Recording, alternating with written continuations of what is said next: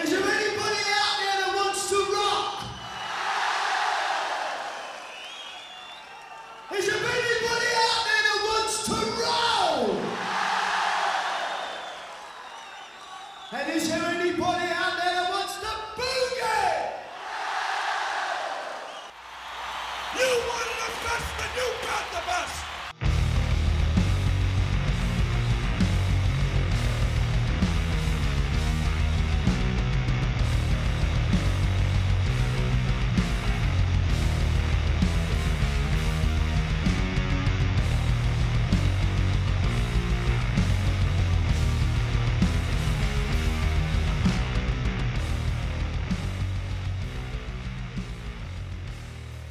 Hej och välkomna till ännu ett avsnitt av Patchtrollen. Hello, hello! Idag fortsätter vår eh, Corona special och del 2. Mm. I förra delen, så, eller del ett då, då, så eh, pratade vi med fans och vi pratade med band och lite arrangörer för att höra hur eh, de har påverkats av den rådande coronasituationen. Och det var ju en, en väldigt blandad kompott där. Mm, helt klart. Och idag går vi vidare med skivbolag och media. Eh, och vi har ju då pratat med från skivbolagen. Vilka då? Vi har pratat med Roadrunner och Nuclear Blasts eh, australiensiska representant Darren Edwards som eh, sitter här i Stockholm. Eh, och precis som vi, vi avslutade del 1 med eh, Brandon från Sun Rage som pratade engelska så får vi lära oss lite mer engelska här idag. Stämmer. Och sen har vi pratat med Kalle Scheven på Sound Pollution. Så där får vi Mm. även med lite om eh, eh, skivbutiker och en fysisk skivbutik som Sound Pollution också är. Då. Precis. Och även eh, Independent Label eh, Despos Records VD Ömer Akai. Mm. Och slutligen då Kai Sivervik på Design Records. Och jag har ställt eh, samma frågor till de här personerna som vi gjorde i del 1 och eh, en liten repetition på dem är ju att fråga 1 är på vilket sätt har situationen påverkat er? Fråga 2 vad har ni gjort för eventuella åtgärder, anpassningar som ni inte hade gjort annars? Och fråga 3 hur tror ni att situationen kommer påverka framtiden inom musikbranschen? Innan vi eh, släpper lös Darren Edwards här så ska vi eh, påminna om att vi finns på sociala medier. Just det! Som vi, Det- som vi vi, all, måste som vi alltid glömmer.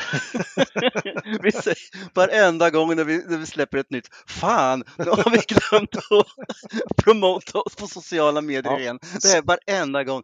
Världens sämsta marknadsförare. ja, det måste ju vara. Ja, Och det är inte svårt. det här är inte svårt. Det är Patchtrollen på Facebook och det är Patchtrollen på eh, Instagram och det finns även som en eh, playlist på eh, Spotify. Precis. Ja. Och sen har vi ju faktiskt vår egen webbsida också, www.patchtrollen.se. Precis, där man hittar show notes för alla avsnitt med lite bilder och annat trevligt. Eh, Ja, det är väl nog med reklam där så att eh, Vi fick ett gjort i alla fall. Precis. Så eh, vi går vidare med skivbolagen och Darren. kind of affected us um, dramatically. Absolutely, actually. Um, obviously, uh, a lot of what I do, there's a, a live element to it um, in regards to having the artist in town, whether it's promo trips or whether it's live shows, um, and and then when they're in town, doing you know uh, in-person interviews and meet and greets and fan stuff and radio interviews. So that whole sector is completely now gone. Um, so that's uh, totally changes the way that we, we need to set up a song now or set up an album or that part. So so rather drastically, actually, rather drastically. And then of course the selling of, of music, you know, the shops people are more reluctant to not go out to shops and Sweden is one place, but also the rest of the, the Nordic territories and and Europe in general. Like um, people can't get out, shops are closed, and people are on lockdown. So in in Sweden, we're a little bit less as it's been, you know, in the press. You know, the, the lockdown isn't as intense, but the likes of Denway, Denmark, Norway, Swe- uh, Finland, um, it's been a lot more intense. So it's affected those physical sales a lot more. So greatly, it's it's greatly affected. Det, så, det började ju det här i slutet av februari började man väl liksom känna att det var på väg mot Sverige och det blev någon så här, oj, vad händer nu? Och vi var rätt tidiga med att, vi hade några så aktiviteter på gång i butiken. Vi hade en Conny Blom-signering till exempel och den ställde vi in rätt tidigt för att tänka det här kan vi inte, vi måste vara försiktiga, vi måste liksom ta vårt ansvar mot, eller inte dra ihop massa folk i butiken. Eh, och sen så har vi, vi har fortsatt att ha butiken öppen. Vi har lite kortare arbetstider, eller butikstider heter det. Lite kortare butikstider. Annars är allting typ som vanligt. Vi på distributionen, vi jobbar väldigt mycket hemma de som kan. Och eh, sen brukar vi turas om och vara på kontoret och lagret så vi inte liksom träffas så mycket utan sköter allting ja, på digitalt. Alltså för vi som skivbolag, eh, nu kan jag bara prata för mig själv, har inte påverkat så himla mycket för att vi håller ju på med musik. Folk streamar musik ganska rejält när man sitter inomhus.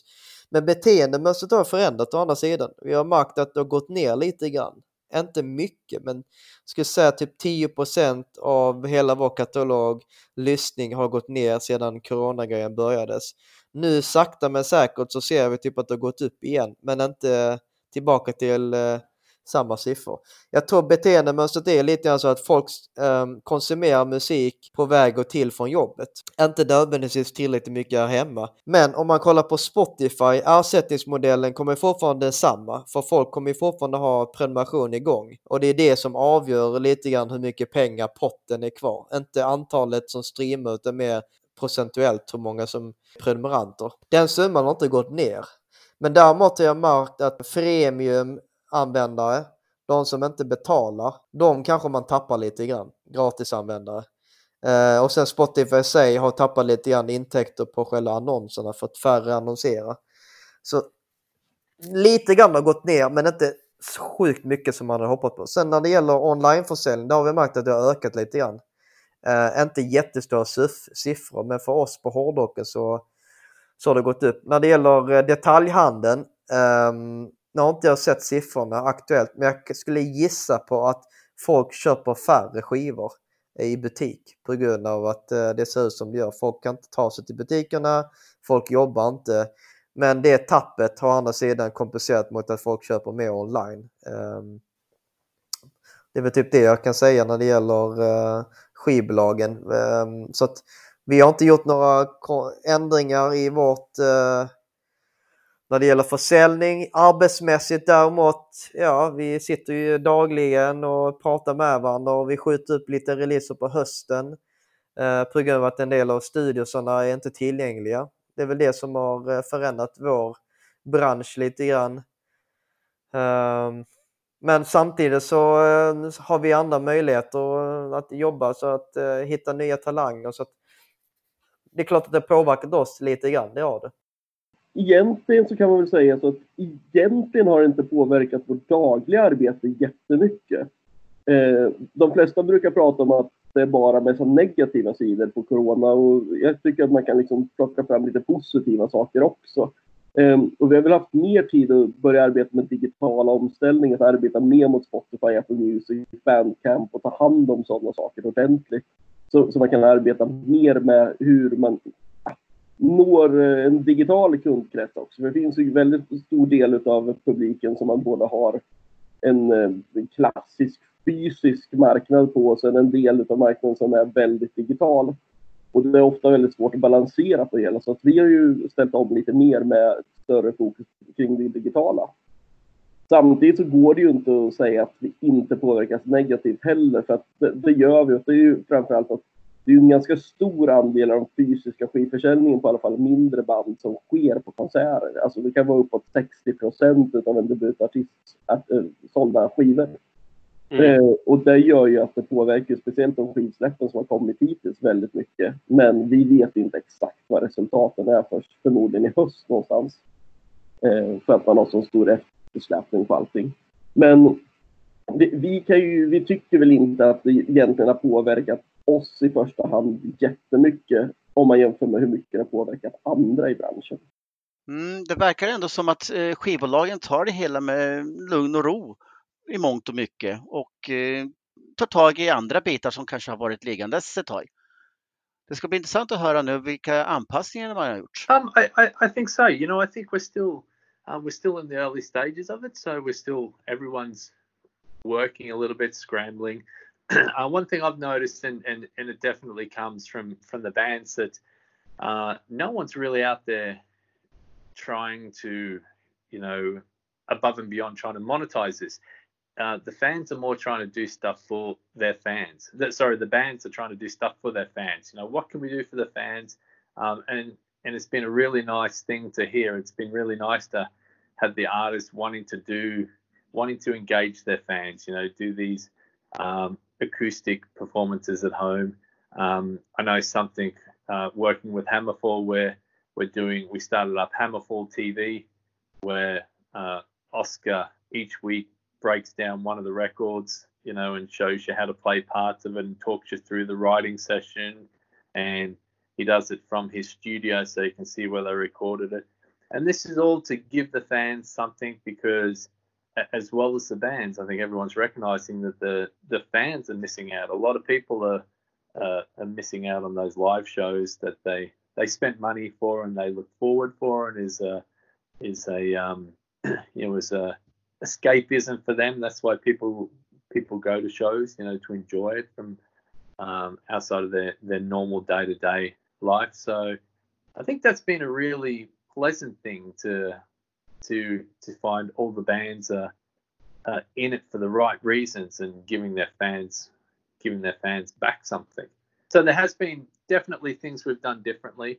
Um, it's also been it's also been quite um, challenging and also quite good to to um, to be creative.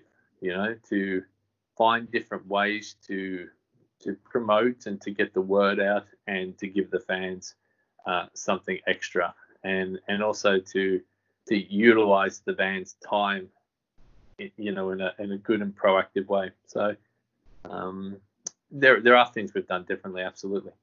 Out of, out of bad that comes good. Um, mm-hmm. and and I think it's it's um, you know everyone's working. Look globally and and you know that's never happened before. That's what like everyone says this is that never before have has something globally um, affected everyone. Um, so we're all in the same boat. Um, hmm. so the fans uh, the fans are in the same boat as the artist as the record company people. Um, and there was a there was a great great quote coming from somewhere that it, uh, that being rich or being famous um, or being important doesn't matter anymore because we're all in exactly the same boat when it comes to this.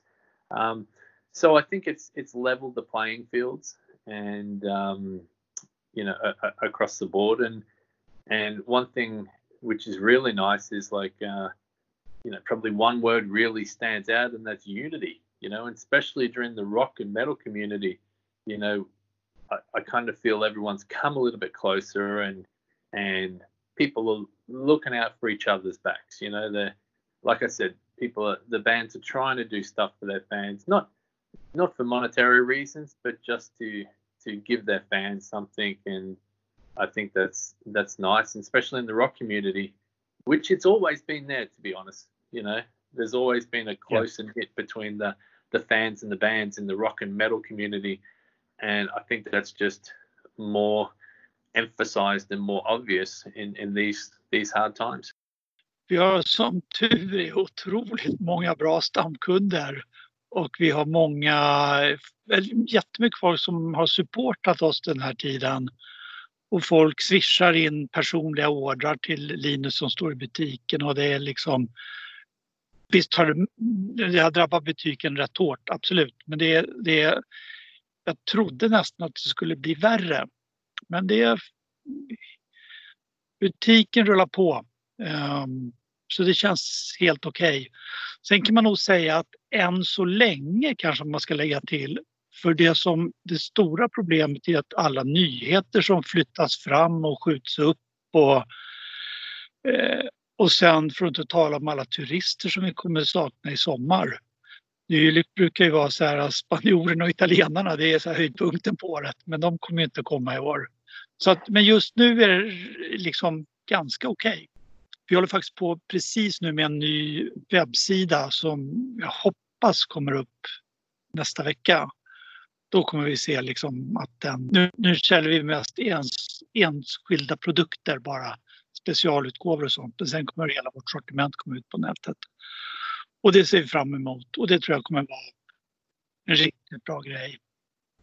Ja, nej men eh, vi har ju, eh, vi, vi hade ganska lugn releaseflöde Q1 och Q2 så, så det påverkar inte oss nämnvärt för att det är ett par releaser som skjuts upp till hösten. Då har vi fokuserat mer på eh, vardagliga grejer som att eh, maximera vår setup. Eh, ändra lite grejer, eh, infrastrukturen. Som vi ändå hade gjort, men nu har vi mer tid och fokus på att lägga på det här. och samtidigt så har vi tack vare Corona faktiskt lyckats signa tre nya akter. Vilket inte vi hade gjort innan på grund av att vi har varit mer aktiva och lyckats knyta an. Men alltså, det kunde likväl vara förändrat även om vi har varit eh, mer och eh, inte coronavänner kanske. Jag, jag säger inte att det hade varit möjligt att vi, om inte vi hade haft corona så hade vi inte kunnat signa mer, men kanske ha bidrag till lite, det vet man inte. Men det eh, finns mer tid att göra andra grejer än att sitta på kontoret, utan mer andra grejer. Det finns alltid något att göra på skivbolaget. Administrationsgrejer så här, och setup och så här. Det är bara att man tar en turordning. Det förändras lite grann. Ja, men precis. Att man gått över till det än mer. Och det, det, var ju någonting som vi höll på med oavsett, men det kanske har gått lite snabbare. Mm. Eh, men, men, jag tror att det, där kommer det bli också viktigare för alla att göra den omställningen. Eh, speciellt eh, för det finns så mycket andra saker i samhället som har försvunnit samtidigt innan corona. Jag tänker just på till exempel, kollar vi på mediebevakningen i Sverige på musik så har ju många av recensionsredaktionerna försvunnit. Eh, pratar vi om genre specifikt som rock och hårdrock så har ju close-up försvunnit vilket har ju ändå varit ganska stort. Och det kommer inte så mycket ny media som faktiskt recenserar skivor vilket gör att det inte finns så många ställen där folk faktiskt kan få reda på vilken ny musik som har släppts eller där man bygger upp artisterna. Det finns inte så mycket nätverk för hur man bygger upp artisterna. Social media handlar ju mer om att artisterna bygger upp sig själva men det finns inte den där själva eh, tidningarna som verkligen kan breaka en artist längre. Eh, som det kanske gjorde framförallt på 90-talet. Sen dess har det gått ner och, och, där kan vi ju se att där, där kommer det förmodligen att bli någonting som händer till hösten för att det kommer ju förmodligen komma ut enormt mycket musik i höst. Eh, varenda liten musiker kommer ju sitta och släppa musik. Och då ska man tänka på att idag släpps ungefär 40 000 låtar på Spotify om dagen. Och jag tror att den siffran kommer att gå upp ganska mycket och det kommer att vara fler människor som kämpar om det lilla eh, medieutrymmet som finns för att bli synliga. Och det tror jag kommer att sätta ganska stora krav på, det, på ganska mycket saker. Hur arbetar man digitalt på ett bra sätt? Hur bygger man upp nätverk? Eh, allting från e-postlistor till eh, ja, möjlighet att eh, vad, vad man säger, targeting audience på annonsering på social media eller vad som helst. Hur når man dem som man vill ska lyssna på musiken? Det tror jag är det stora problemet som vi kommer att stå för inför alla eftersom alla kommer att arbeta på, mot samma sak. Och ju fler mindre artister som släpper nya saker så kommer det också äta utav den eh, marknaden som finns. Eh, så att det finns en risk för att eh, även till exempel etablerade skivbolag eller bokningsagenter eller vad som helst kommer att bli drabbade för att det kommer att komma in, eh, eller att ja, de sakerna som inte har en eh, ett stöd bakom sig kommer ändå äta marknadsandelar. Alltså, nu det låter ju kanske väldigt negativt mot hela utgiftsrättsdelen, men jag tror att det finns en risk för att det finns en sån hög ökning på de som gör allting själva att den rådande liksom, branschen kommer att drabbas. Eh, och det kan ju alltid vara på det positiva också. Eh, det kan ju komma fram mycket nya nätverk från det hela. Men jag tror att det finns en sån risk att vi ser att det, det kommer att ha betydligt större drabbningar under en längre tid. Och det är väl ungefär där som jag liksom...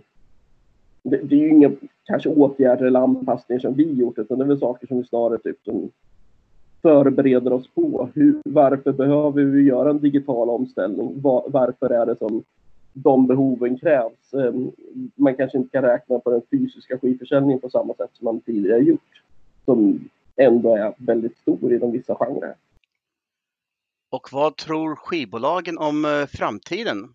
Yeah, it's a tough, tough question. Um, I, I don't really know, but just personally, um, I, I, I think it will. You know, I, I think it will. Like, I think a lot of things are going to change. You know, um, um, traveling is going to change. How we travel. You know, like um, a, a lot of like I, I, read somewhere the other day that SAS are now having to let people go, and Norwegian had to let people go, and Virgin uh, Virgin Airlines in Australia has now gone bankrupt, and I'm sure there's many others. So the ability to travel is is going to be is going to change, you know, and it's going to take a while to get back. People are going to be scared, um, and first this has to settle. You know, there has to be um, there's still so many unanswered questions about this, so um, I think there could be a reluctancy for people to to come out to shows. Um, you know, the there's talk of opening smaller smaller venues. I think maybe Denmark has opened it up a little bit, but um, you know, it's it's it's going to be tough. It's going to change change the live front. It's going to change the way records are are released. Um, I think. Um, which way I don't know. You know, maybe yep. some people, maybe some people are now out of the habit of buying physical records. So, so physical records decreases. On the flip side, maybe people realize they want something tangible and they're hungry for it again, and they they really want something. They're they're kind of through with streaming, and that's so they so when when it lifts and when records come out, um, they want to go out and buy it and and support the bands and have physical product. I don't really know. I don't really know which uh, which way it's going to go. We kind of just have to roll with it when the time comes. Some things will change in some way, and uh, the industry and, and the fans and the bands just have to adapt and roll with it. And uh, and this is just my opinion. I, I think we're probably if if this would end soon, um, I think we're probably a couple of years into you know, a couple of years down the line before we get back to where we are now, if we ever get back. Um, yep. I think it's going to take a while to get over this, if it ended now. So if it goes much longer than this, obviously that's going to extend extend the length to get out of it. Det är så himla svår fråga.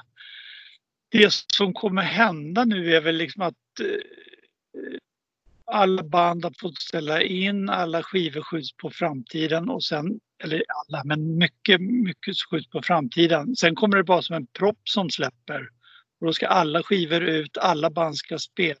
Folk kommer inte ha råd att gå på allting och, och inte ens tid att gå på allting. Så jag tror att vi kommer nog, ska jag säga, vi fortsätter ge ut våra releaser som vi har planerat inför våren och sommaren och sådär. De ligger fast och de kommer, de kommer ut som de ska. Jag hoppas att vi kan leda till någonting bättre. Jag tycker redan nu det känns så här, äh, men mycket med vår butik och alla stamkunder. Folk bryr sig om varann på något mm. sätt som man trodde folk hade glömt bort. Eh, så äh, jag hoppas att det kommer leda till någonting bättre och att vi får liksom lite sundare samhällsklimat.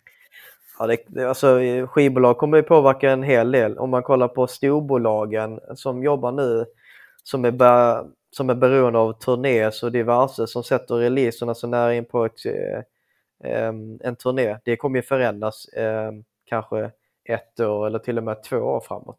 Det tror jag. Det. Jag pratar till och med folk inom musikbranschen och de säger typ, ja men fan våra prio-releaser eh, släpper vi typ tidigast nästa år för att turnén kommer då.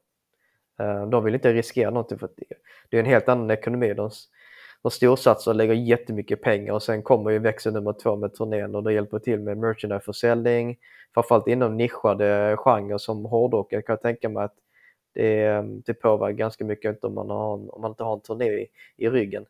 Och dels intervjuer också, artisterna som ska åka iväg och göra intervjuer runt om i hela världen. Det, det får ju tas via online istället. Det blir inte samma jävla grej liksom. Men jag vet inte, det, det, det är klart att folk kommer att tänka till lite grann och, och inte bara lägga alla äggen i en, i en korg när det gäller eh, eh hur man promotar en, en release eller hur man släpper en, en skiva eller musik utan de får ju liksom anpassa sig.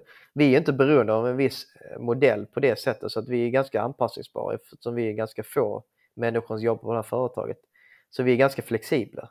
Men vi har ju jobbat lite annorlunda um, på det sättet som att det har varit corona hela tiden. Vi är inte beroende av en turné alla gånger. Visst att det hjälper till, det är ju skitbra men annars, det vi kollar på är ju att man har en fanbase först och främst.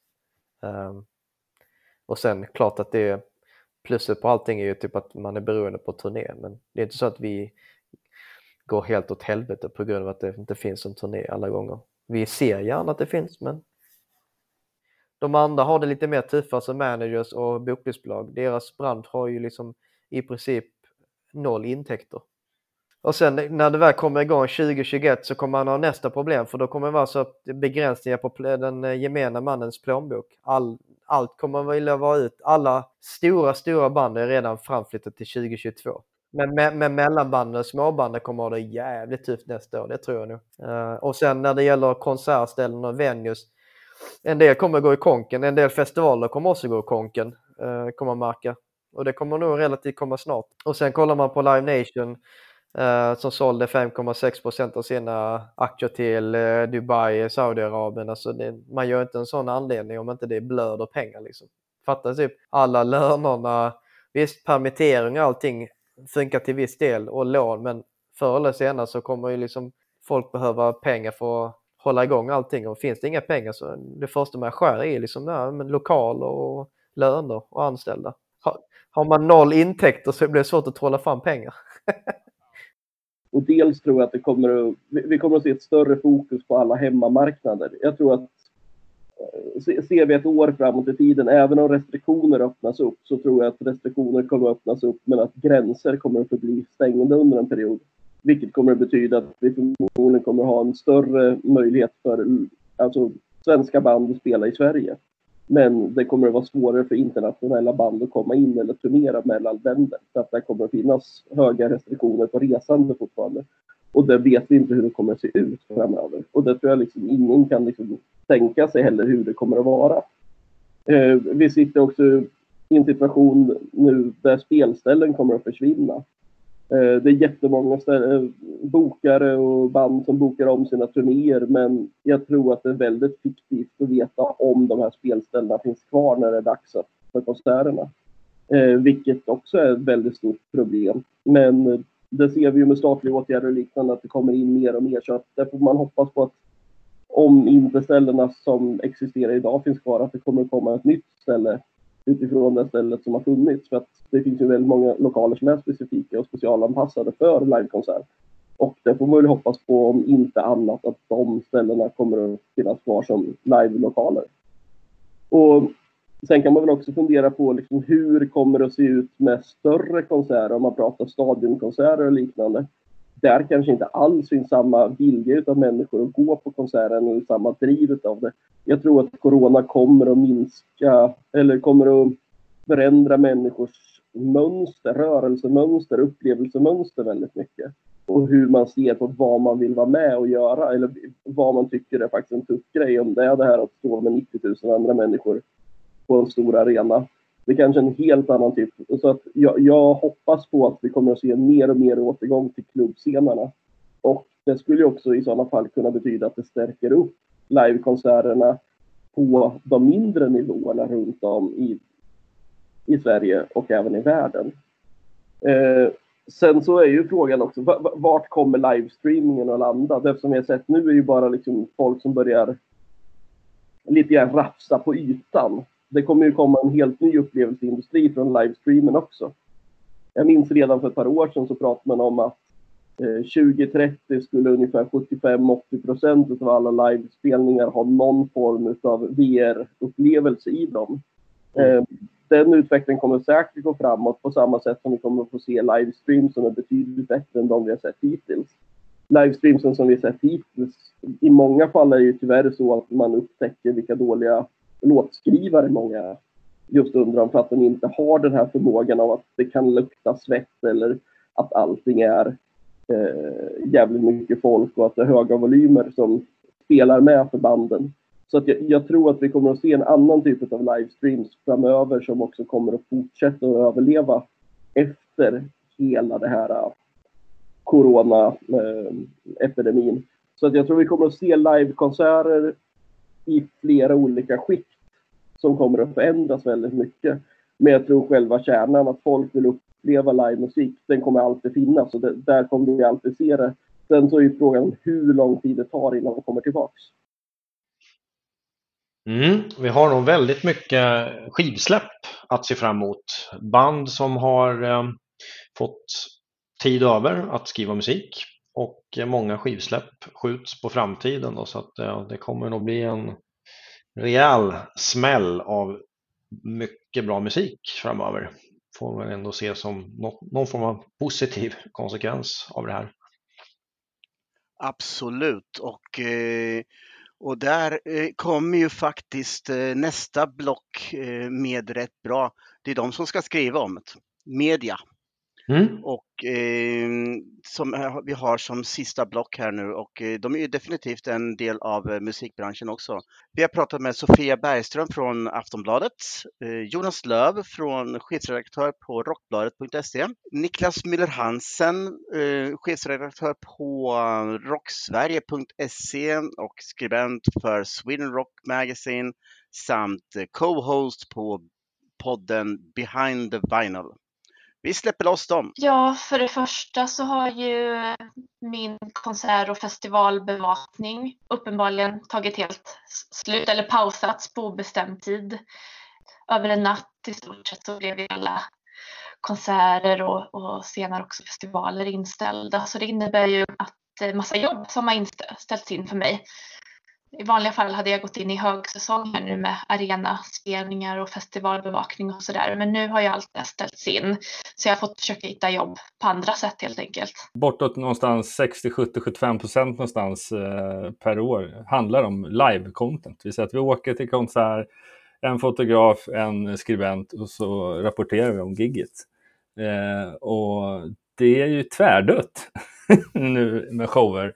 Eh, så så tror, jag har väl provat några gånger nu med att eh, recensera en streamad konsert.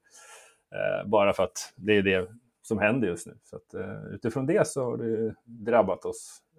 Så det är, det är tråkigt för oss som arbetar med det och såklart att vi, man kan även oroa sig för att vi kommer även tappa läsare eh, beroende på att vi inte uppdaterar sidan lika ofta som vi gjort förut det som har förändrats är ju, man kan se det som så att visst, det var ju en massa promobesök inplanerade med intervjuer här i Stockholm eh, som nu då inte givetvis har blivit av.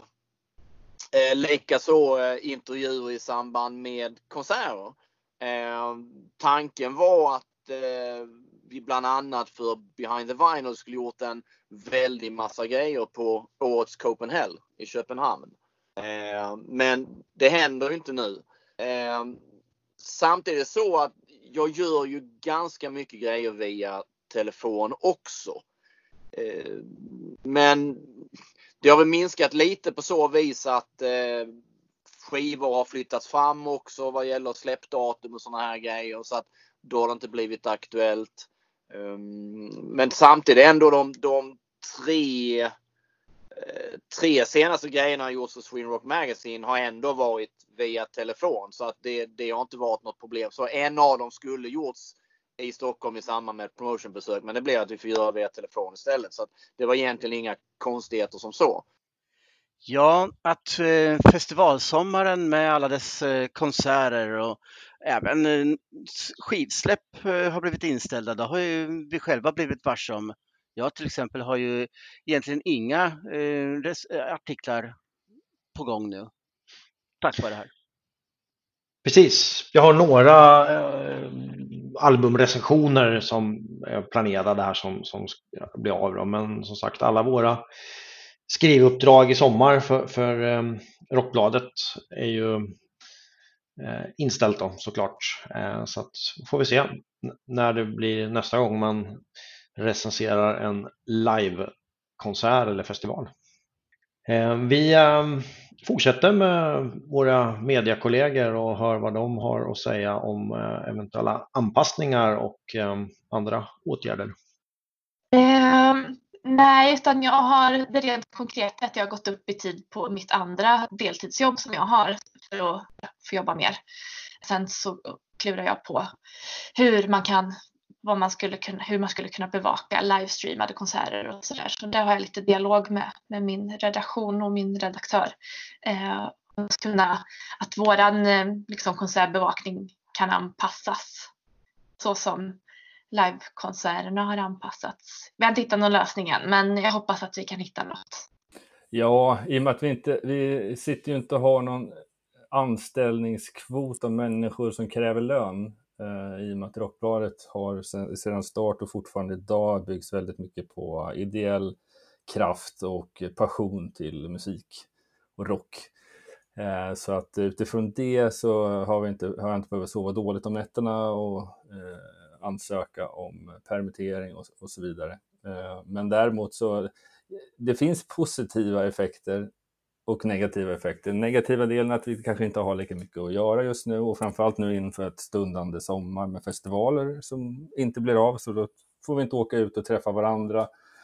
Vilket, ska vi ta en negativ sida när det gäller festivaler så är det ju faktiskt en chans för oss, för att vi bor spritt över hela Sverige, en chans att träffa mycket av folket. Eh, och samarbeta ihop och ha, ha en kul vecka.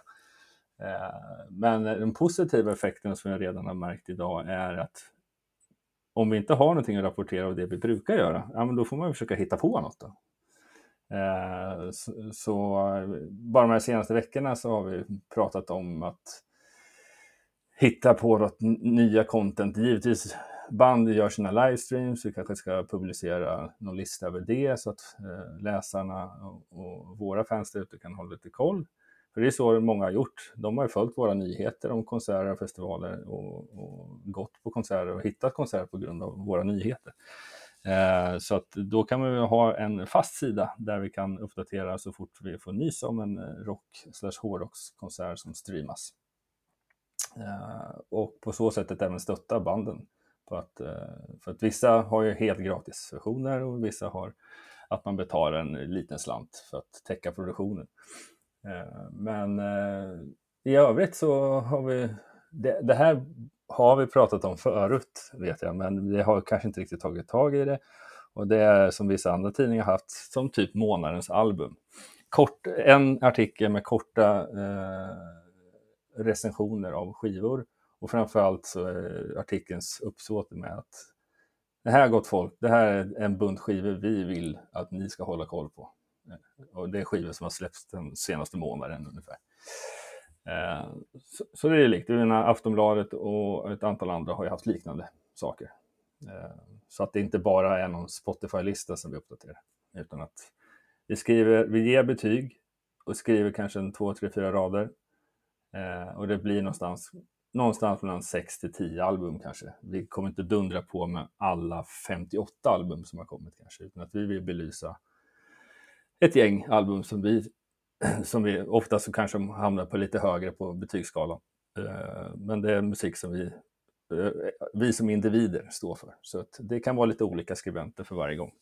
Just nu är vi ett litet kärnteam eh, som har dragit igång det här. Så vill vi gärna att alla andra som skriver albumrecensioner får vara med. Och skriver vi fortfarande hela recensioner, som vi också gör såklart, då kommer de, de får ju en, eh, en bra spot i den artikeln också. Eh, att, för har den recenserats nyligen, då är det klart att då kan ju den lika gärna hamna på albumlistan också. Vår podd då, Behind the Vinyl, där vi alltid numera då har en gäst som antingen då får välja ett album som den vill prata om. Och det kan vara vilket klassiskt eh, hårdrocksalbum som helst. Eller så pratar vi med eh, gästen om en av gästens album. Och det har gjort i och med detta nu att alla sitter hemma. Eh, ingen kommer hit. Att vi har gjort en väldans massa eh, Skype-intervjuer och Zoom-intervjuer. Ehm, för lite där att det blev känslan också att ja, men fasen alla sitter ju hemma nu och är uttråkade. Vilket har öppnat upp lite så att vi hade möjligen, möjligheten att nyligen då snacka en timme över Skype med Ted Nugent. Ehm, och eh, häromdagen gjorde vi eh, Adam Dubin som gjorde eh, a, year uh, vad heter han? a year and a half in the life of Metallica där vi pratade om svarta albumet och, och just klippte ihop det med att eh, den första delen av den där videoserien som handlar just om inspelningen. Så på så vis har det öppnat upp att vi har haft möjlighet att få kontakt med människor som vi kanske inte hade fått kontakt med tidigare. Och det har ju varit förbannat kul och det har även öppnat upp just det här med Skype-grejen att det har fungerat faktiskt väldigt bra inte det bästa ljudet alla gånger men, men, men det funkar. Så, så det har ju förändrats för att vi har ju hela tiden tidigare bara gjort face to face intervjuer och de har oftast varit i samband med att bandet eller artisten i fråga har varit på promotionbesök i Stockholm. Så det är ju helt klart förändrats och även öppnat upp nu liksom att ja, även om det går tillbaka till normala så kan vi ju fortsätta att köra de här Skype-grejerna för det funkar rätt bra det också. Det har ju förändrats. Jag har inte gjort speciellt många intervjuer för Rocksverige. För det är ju oftast också i samband med skivsläpp, promotionbesök eh, och liknande. Och det har liksom stannat av lite nu så det har inte blivit så mycket. Den senaste jag gjorde var eh, Michael Alago som signade Metallica till Elektra. Eh, han har släppt en bok nu så att vi gjorde en Skype-grej, har inte transkriberat den ännu, men det var nog den senaste grejen som var riktad just för Rock-Sverige så att säga. Um, och sen vad det gäller liksom uh, uh, media i, i tidningsform som Sweden Rock Magazine att Ja det är möjligt, nu liksom, har inte jag den insynen som så. Men det är klart att det också har kommit förändrats att det kan inte bli intervjuer på plats här i Stockholm eller någon annanstans. Eh, inte heller några reportage där man har skickat iväg någon kanske för att göra något hemma hos reportage eller liknande. Så att det är ju klart det förändras. Och jag vet att skivor helt plötsligt flyttas fram vilket har gjort att man har senare lagt recensionsdatum och sådana här grejer. Så att, men jag tror, det, jag tror mycket går att lösa ändå så att säga. Bara det att det blir mycket mer nu kanske då via Skype och telefonintervjuer och, och liknande. Så att det, det, är klart att saker och ting har eh, förändrats. Men jag tror också att det öppnar upp för, för nya möjligheter och nya sätt att på något vis kommunicera och hitta vägar och så. så att, jag vet inte, all, allting rullar väl på på något vis ändå tror jag. Först är jag en teknisk idiot så att jag, jag hatar allt som har med teknik och datorer och sånt skit att göra. Eh, jag vill ha eh, kassettband och liksom spela in det gamla klassiska sättet. Eh, så Skype har jag inte direkt använt tidigare. Några få tillfällen. Jag har varit lika förbannad varenda gång liksom just man har gjort någonting via Skype. Ehm, Eh, exempelvis för, för tidningen för att jag vill hellre göra via telefon för det fanns så mycket lättare. Då måste jag lära mig ett nytt skit och spela in och så. Eh, men det är faktiskt just Skype och även här Zoom som även om det är en sån grej som vi har fått förbereda via mitt jobb som lärare att fall ifall det skulle nu bli då att skolor stängdes ner och vi skulle ha någon form av distansundervisning så skulle det ske via Zoom exempelvis. Så man har fått lära sig det lite.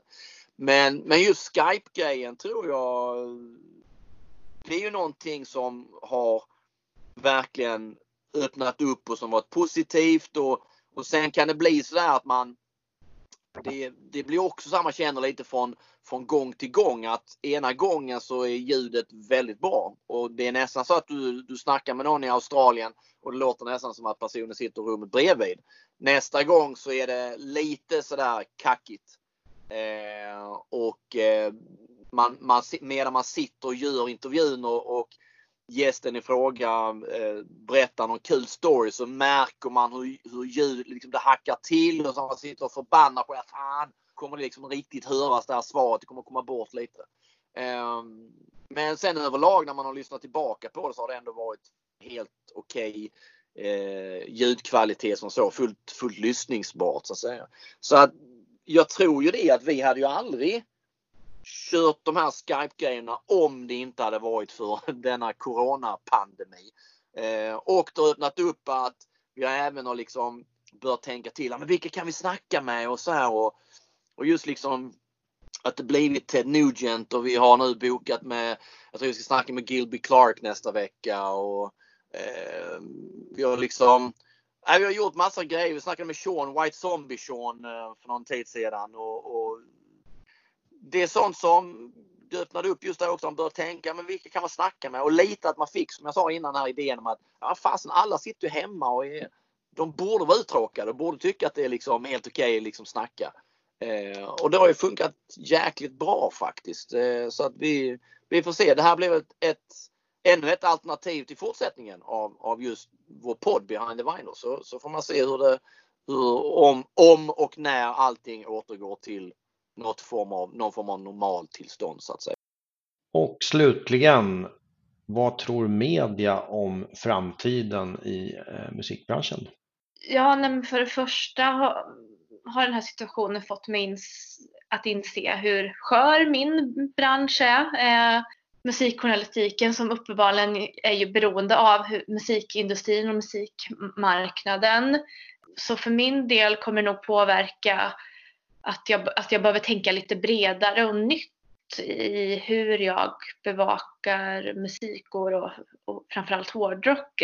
Att jag kanske behöver hitta nya, nya, sätt, nya digitala sätt helt enkelt. Så att, eh, att min inkomst inte drabbas, drabbas lika hårt som den har gjort nu helt enkelt. Och sen såklart hoppas jag ju att, eh, att branschen ska kunna återupptas med konserter och allt det övriga så snart, så snart det går. Eh, men tills att den gör det så behöver jag tänka om lite kring hur jag kan bevaka musik.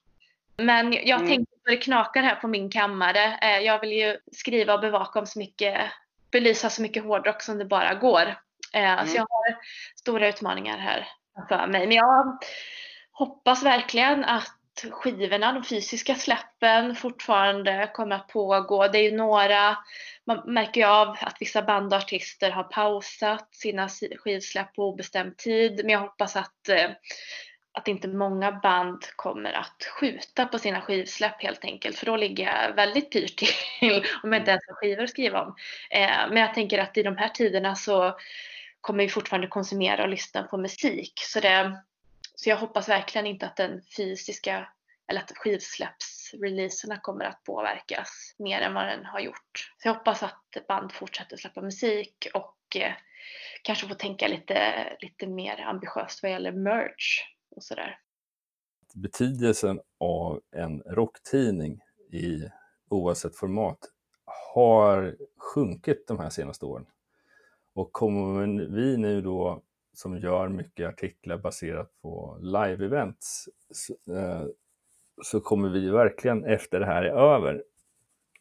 Vi kommer nog på Rockbladet, vi, vi brinner så mycket för musiken så vi kommer nog kanske jobba på på samma sätt. Men om man tittar på hur många, hur många följare och hur många läsare per månad vi har haft eh, så kommer väl vi vara tvungna att börja om lite. Kanske inte från dag ett utan kanske från där vi var för fem år sedan. Eh, sen uppåt igen för att komma upp i samma läsarskara. Och vi måste vara innovativa och, och, försöka hitta på riktigt vad det innebär. Det har vi kanske inte kommit fram till. Jag vet att jag har pratat med dig vid några tillfällen att man kanske också måste blanda skrivet media med att kanske hitta ett nytt format, en, kanske hitta på en Youtube-kanal. Eh, kanske hitta tillbaka till det här gamla ZTV-formatet som fanns en gång för 20-25 år sedan med att man har en liten panelsoffa som sitter och ja, snackar om saker och ting.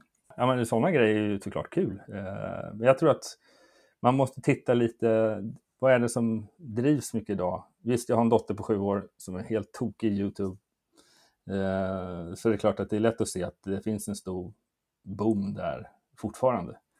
Eh, sen såklart är många där är inte baserat på musik. Det är baserat på att de ska få mycket klicks, de ska få mycket views, det ska hända saker, det ska finnas en röd tråd i, i själva idén. Och sen så ska man föra över det här i TikTok och allt vad det nu är. Och jag menar, Rockblad kommer ju, ja, vi kanske kommer ha ett TikTok-konto, men vi kommer inte göra något, vi kommer inte eh, komma med några nya idéer för små korta klipp på TikTok. det ska ju vara om man hittar på kul grejer med artister när man intervjuar dem till exempel. Att, kan inte vi spela in den här lite fåniga videon eller coola videon på typ eh, ja, ett antal sekunder. Eh, bara för att det får någon form av clickrate liksom. Som en add-on till ett podcastavsnitt eller till, ett, eh, till en artikel som man skrivit på en intervju eller vad det nu kan vara. Som egentligen ska få folk att höja ögonbrynen och klicka sig vidare. Eh, så att jag tror att man, vi och många andra behöver nog tänka igenom på vad, vilken position och på vilket sätt vi vill jobba framöver. Och det spelar nog egentligen inte så stor roll om man heter eh, om man är en stor etablerad tidning eller om man är, för jag börjar ju redan se etablerade saker, att de börjar jobba mycket mer på webben, eh, blanda lite med tv-inslag och YouTube, eller lägga upp videos på Facebook och Eh, kanske till och med med Youtube eller någon egen plattform för det. Liksom. Så att, eh, och det sägs ju att oavsett om man kör Teams eller om man kör eh, någon annan plattform så, eh, så, eh, så länge man har Förut förde man ganska bra med bandbredd för att huvudtaget saker ska funka, men nu känns det som att nu komprimeras det ganska bra på något sätt liksom, som gör att det är inte den här enorma datamängden som flyger över luften och, eller trådarna. Även om det kommer liksom ett slut och det säger att det i Sverige återgår till någon form av normaltillstånd så kan jag mycket med, väl tänka mig att ja, men band från säg USA och liknande är kanske mer nojiga och vill inte komma hit. Fast man säger att allting är lugnt och så här så. Jag tror det kommer att ligga kvar eh, en ganska lång tid. Kanske speciellt om man tänker på de liksom gamla Kiss som har fått avbryta sin End of the Road turné. Eh, herregud, gubbarna är liksom någonstans mellan 65 och 70, Paul och, och Gene. Där tror jag det också, det jag vet inte. Det kan ju ta en tid innan de beslutar sig för att de ska ge sig ut på vägarna igen. Eh, jag tror sådana här grejer som meet and greets och sånt här. Jag vet inte hur det blir i framtiden. Kanske blir folk nojiga nu och det blir ingenting att man går där och tar folk i händerna och, och är nära på varandra och säger en massa grejer och har något möte och så här. Eh, det tror jag kanske också förändras i framtiden. Och samtidigt det här, jag menar, ju mer tekniken utvecklas och det blir bättre, ljudkvalitet blir bättre, videokvalitet blir bättre och allt detta så är det klart också, vad fasen du du kan ju lika gärna sitta i Los Angeles och göra en hel drös med videointervjuer med folk runt om i världen istället för att du ska åka ut på en promotionresa och, och eh, göra det på plats. Men det vet man inte. Det är, det är jättesvårt att säga hur, hur det kommer att bli. Jag har inte den blekaste aning. Men sen samtidigt, jag menar det, det funkar lika bra att göra intervjuer via telefon eller Skype eller Zoom ja. det är, som att sitta face to face. Det är klart, det är alltid roligare att sitta ansikte mot ansikte med någon på plats och prata och eh, ha, ha liksom ett utbyte av stories och det ger en annan känsla i än att sitta och göra det över någon form av videolänk och sådär. Det, så är det bara. Det, så är det med allting. Att det, det är alltid roligare att göra det eh, in the flesh så att säga. Men det, ja. jag tror nog att det, det kommer nog förändra, förändra branschen på så vis. Eh, just kanske med det här med, med nojigheten. Att, eh, det intressanta jag tänker också man har pratat med, med andra om också det är det här när väl allting lägger sig då, då, helt, då ska alla ut och turnera. Det, det finns inte underlag för det. Jag menar, i, i de större städerna och om man tänker just Stockholm så är det ju alltså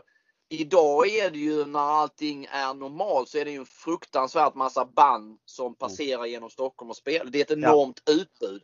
Eh, vilket gör också att folk måste kanske sålla eh, och det blir en, en otrolig konkurrens eh, mellan artister på så vis. Och det ja. undrar man lite också hur fasen ska det bli, ska det bli när allting lägger sig. Alla, alla är liksom törstiga på att ut och turnera sen och så ska alla ut. Det är liksom det, det blir jäkligt tufft. Å andra sidan blir det också, man märker det att det är en jäkla många artister nu som använder tiden till att sitta hemma och vara kreativa. Vi snackade med Scott eh, Holiday i Rival Sons igår tror jag det var. Och eh, han och de använder nu den här tiden till att faktiskt skriva nytt. Och han har skrivit hur mycket nytt som helst.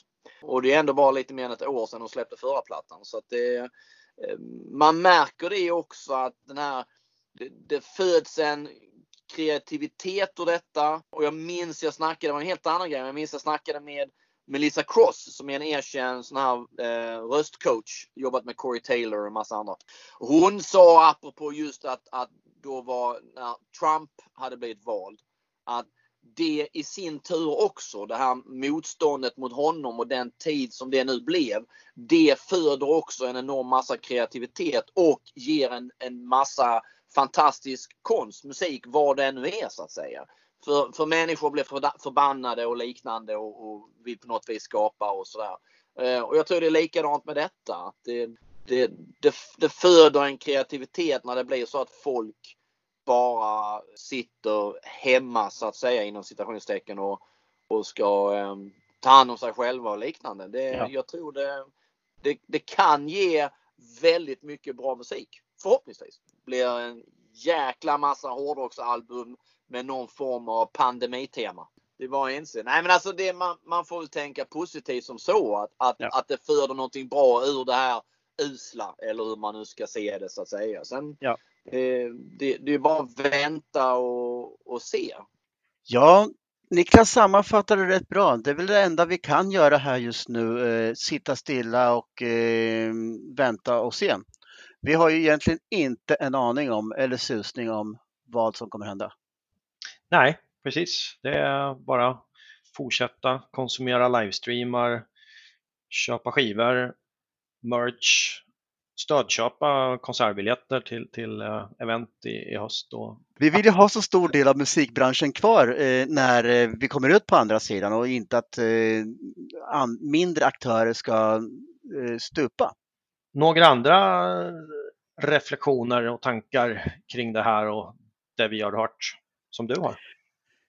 Ja, alltså jag uppmärksammade det här att det verkar vara en ödmjukhet och en, en helt annan förståelse för varandra inom branschen sedan det här uppstod.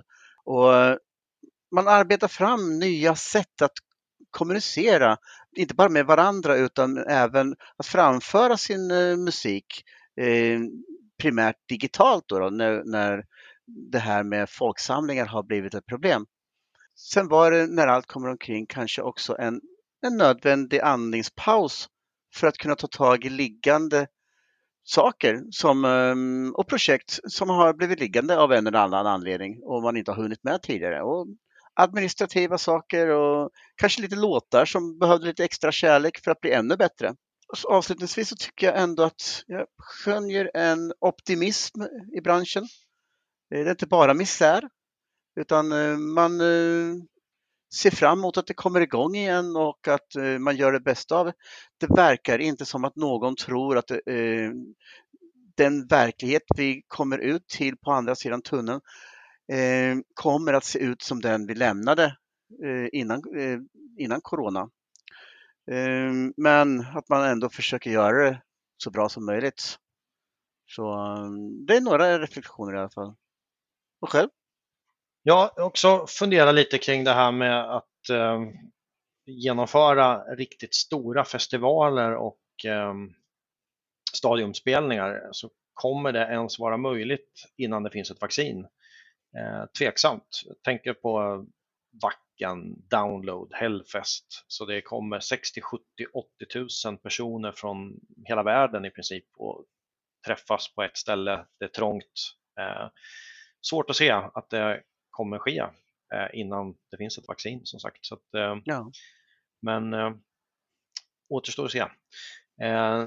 Det andra jag funderar på det är ju det här som också en av gästerna var inne på att det kommer kanske bli lite mer exklusivt när band från andra länder, kanske framförallt de som kommer från USA eller ja, andra världsdelar helt enkelt.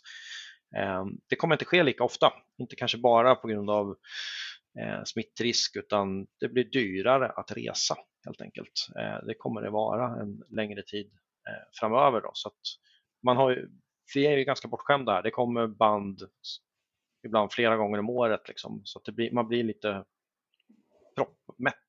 Så att det kan vara en positiv konsekvens av det här. De kommer inte lika ofta och, och då blir det kanske ett större intresse när väl banden kommer. Um, och eh, den sista funderingen, det är ju det här med, med, med streamingen då, som har fått ett uppsving. Jag tror att det kommer, det kommer fortsätta. Jag kan tänka mig att man kan i framtiden ha en typ Seymour Music, eh, precis som man har en Seymour Sport idag. Man kan ju se alla fotbollsmatcher i superettan och allsvenskan kan man välja. Ska jag gå och se fysiskt eller ska jag sitta hemma i soffan och betala och titta?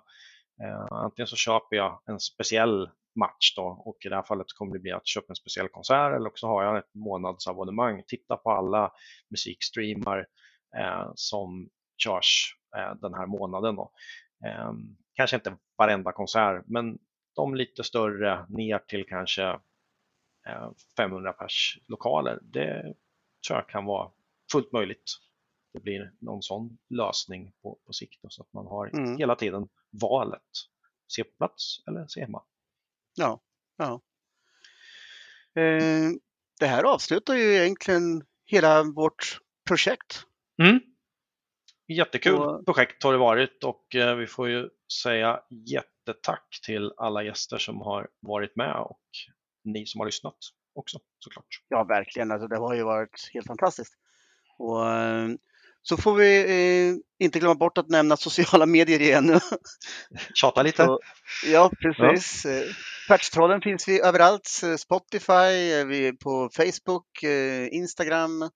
Patchtrollen.se också vår egen mm. sajt. Ja, och dela gärna de här avsnitten så att vi får bra spridning på dem om ni tycker det var lyssningsvärt. Ehm, ja. Så att med det sagt så tackar vi för oss det och säger hej. Hej hej!